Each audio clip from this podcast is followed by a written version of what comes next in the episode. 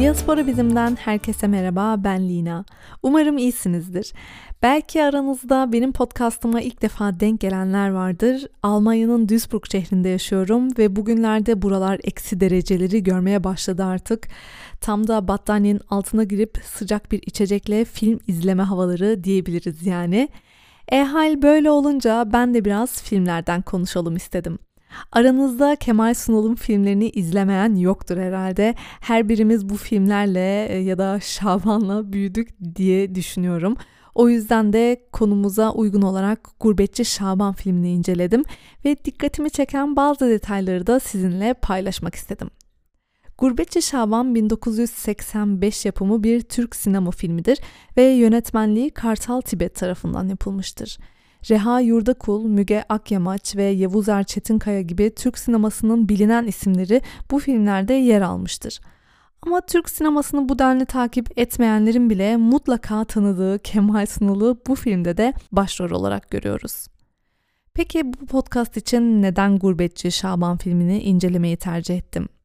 En çok ilgimi çeken nokta filmde göç olgusunun topluma yansımasının anlatılması, gösterilmesi oldu. Çünkü orada yansıtılan şey aslında bizim hikayemiz. Biz üçüncü, dördüncü nesil olarak birebir bu göçü yaşamamış olsak da bu bizim de hikayemizin önemli bir parçası diye düşünüyorum. Babalarımızın, dedelerimizin yaşadığı şeyler anlatılıyor burada.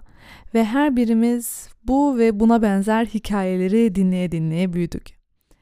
Ben bunu bu şekilde söyleyince belgesel tadında bir film beklemeyin sakın. Tahmin edeceğiniz üzere tabii ki birçok olay abartılarak ve izleyiciyi güldürmek üzere gösterilmiş bu filmde. Çok genel bahsetmek gerekirse filmde Şaban'ın işçi olarak gittiği Almanya'da yaşadığı trajikomik olayları izliyoruz. Trajikomik kelimesinin içinde trajedi ve komik kelimeleri var. Komik diyebiliriz kesinlikle film için ama o zamanlar yaşananlara tam olarak trajedi denilir mi onu tam bilmiyorum. Yani sanırım genel olarak göç konusunda o zamanlar insanlar aynı kaderi paylaşmış olsalar da herkesin hikayesi, yaşanmışlıkları farklıdır. Sizin bizimle paylaşmak istediğiniz trajedi veya komedi diye adlandırabileceğiniz göç hikayeleriniz varsa mutlaka Instagram hesabımız Diaspora Bizim'den bizimle paylaşabilirsiniz. Öncelikle bu film hakkında hiçbir fikri olmayanlarınız, henüz izlemeyenleriniz için kısa bir özet geçmek istiyorum. Saf olarak betimleyebileceğimiz ana karakterimiz Şaban çalışmak için İstanbul'dan otobüse atlar ve Almanya'nın Köln şehrine gelir.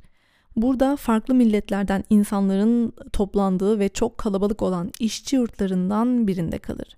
İlk günleri inşaatlara, fabrikalara gidip iş aramakla geçen Şaban en sonunda bulduğu fabrika işinde çalışma izni olmadığı için bunu fırsat bilen patronu tarafından fazlaca sömürülür.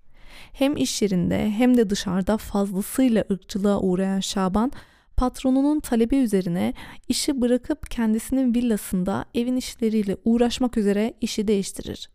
Burada gördüğü muameleden iyice bıkan Şaban bu eziyete daha fazla katlanamayacağını anlar ve bu işe bir şekilde çözüm bulmaya karar verir. Bir gün Şaban Türk tanıdıklarından birinin vefat ettiğini öğrenir. Ailesi bu ölümü devlete bildirmemiştir. Vefat eden kişinin ismi de aynı olduğu için devletten o ölmüş kişinin yerine çocuk parasını Şaban alır ve bu şekilde belgede sahtecilik yaparak adamın yakınlarını sefaletten kurtarır. Yani adamın e, çocuk parasını alıyor ve ailesine teslim ediyor. Bu belgede sahtecilik işinin sorunsuz bir şekilde işlediğini görünce Şaban'ın özgüveni yerine geliyor ve yaşadığı her şeyin intikamını Alman devletinden almaya karar veriyor. İlk fırsatta köyüne dönen Şaban, baba adının kendisiyle aynı olan sanırım 14 tane çocuk bulup tek tek isimlerini alır. Daha sonra bu çocukları kendi nüfusunda göstererek Alman devletinden her biri için çocuk parası alır. Bu sırada daha Almanya yolunda otobüste aşık olduğu kızla evlenir ve kazandığı paralarla inek alıp süt işine girer. İşleri çok iyi giden Şaban kısa süre sonra bir mandıra sahibi olur ve daha da önemlisi eski patronunun şirketinin yarısından fazlasının sahibi olur. Daha önce işçi olarak çalıştığı evi aratmayan bir evde ve asla hayal edemediği kadar iyi hayat şartlarında yaşamını mutlu bir şekilde sürdürür. Yani anlayacağınız e, böyle saf saf geldiği Almanya'da ırkçılık, haksızlık ve kötü muameleyle karşılaşan ana karakterimiz Şaban akıllanıp kurnaz davranarak intikamını almış olur. Bu film çeşitli sebeplerden dolayı sevildiği kadar eleştirilmişti. Bu eleştirilerin e, ana başlıkları işte Alman düşmanlığı, Almanlara karşı da e, yapılan ırkçılık, belgede sahtecilik yaparak zengin olmayı Türk milliyetçiliğiyle bağdaştırılması gibi konularda eleştirilmiş bu film. Yani bilmiyorum kendi açımdan baktığım zaman tabii ki bazı konular e, belirli duyguları daha iyi yansıtmak için veya izleyiciyi daha fazla güldürmek için abartılarak gösterilmiş tabii ki. Yani bunu bu kadar e, ciddi bir şekilde eleştirmek ne kadar doğru bilmiyorum. E, ben film hakkında izlerken bir yandan da notlar aldım sizinle paylaşmak için. E, şimdi notlarımda biraz onlara göz atmak istiyorum ve bahsetmek istiyorum sizlere. Hoşuma giden böyle sahneler oldu, konuşmalar oldu. Biraz onlara değinelim.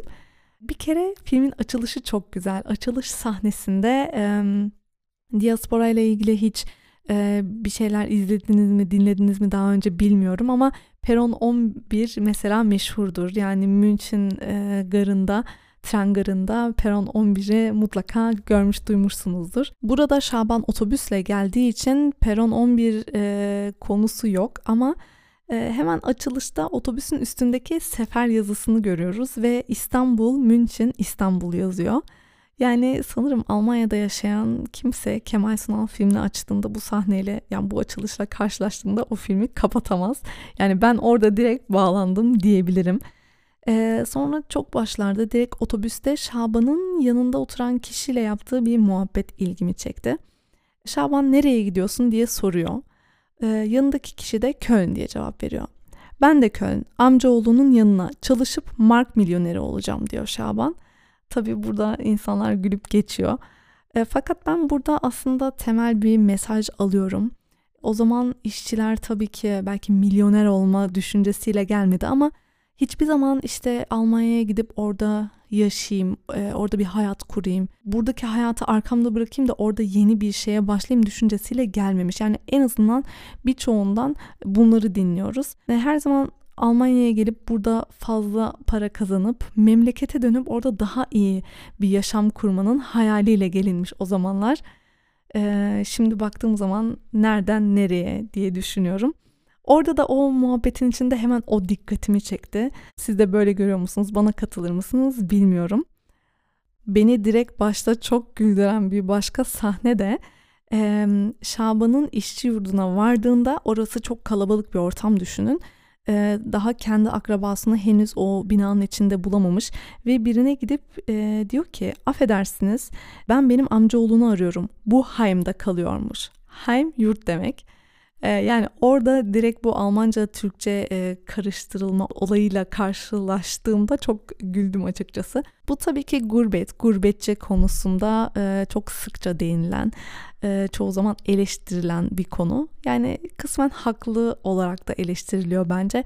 Tabii ki hem doğup büyüdüğümüz veya yaşadığımız ülkenin dilini iyi konuşmak hem de Türkçeyi unutmamak, iyi konuşmak için gayret etmek önemli. Ama gerçekten iki dilli yetişmenin de güzellikleri olduğu kadar zorlukları da var. E, bu konudaki düşüncelerinizi de merak ediyorum. Ben böyle her konuda işte bir şey söylediğimde acaba siz ne düşünüyorsunuz e, diye merak ettiğim için böyle her şeyi keşke yorumlarda siz de cevaplasanız çok mutlu olurum. E, ilgimi çeken bir başka şey ise e, Almanya'nın e, görselleri yani Almanya'yı nasıl yansıttıkları e, bana ilginç geldi ama doğru bir şekilde yansıttıklarını düşünüyorum. Ee, mesela bir yerde Şaban diyor ki burada herkes farklı dilden konuşuyor. Birleşik Milletler mi burası ya diye bir çıkışta bulunuyor. Gerçekten de sokakları gösterdiklerinde işte farklı farklı kültürlerden sokak müzisyenleri, e, sonra insanların böyle günlük normal e, hayatlarını çektiklerinde hep böyle farklı tiplemeler görüyoruz. Bence de yani en azından bugün için e, Almanya öyle bir yer diye düşünüyorum. Yani güzel anlatılmış, gösterilmiş. Böyle tek tek filmi dedik dedik edip e, her sahnesini yorumlamayacağım tabii ki ama ilgimi çeken son bir e, yeri paylaşmak istiyorum. e, bence kapanış için de güzel bir yer diye düşünüyorum. Bir yerde Şaban Alman e, biriyle konuşurken Türkçe bir kelime veya bir cümle söylüyor ve e, karşısındaki Alman anlamadım gibi bakıyor ve anlamadım diyor. E, orada da Şaban şu karşılığı veriyor. Öğren öğren nasılsa 20 sene sonra resmi diliniz Türkçe olacak. Yani şimdi bunu bugünden e, değerlendirmek gerekirse tabii ki bir resmi dil diyemeyiz ama e, gerçekten bazı Türkçe kelimeler Almanların da e, artık sorgulamadığı hatta kendinin bile günlük hayatta kullandığı hale geldi. Ve benim bu film hakkındaki düşüncelerim bunlardı. Sizler Gurbetçi Şaban'ı izlediyseniz bizimle fikirlerinizi tabii ki paylaşabilirsiniz. Podcastlarımızın tüm bölümlerini her zamanki gibi Spotify, Google Podcast ve YouTube'da Diaspora Bizim olarak aratırsanız bulabilirsiniz. Beni dinlediğiniz için teşekkür ederim. Bir dahaki podcastta buluşmak üzere. Kendinize çok iyi bakın. Hoşçakalın.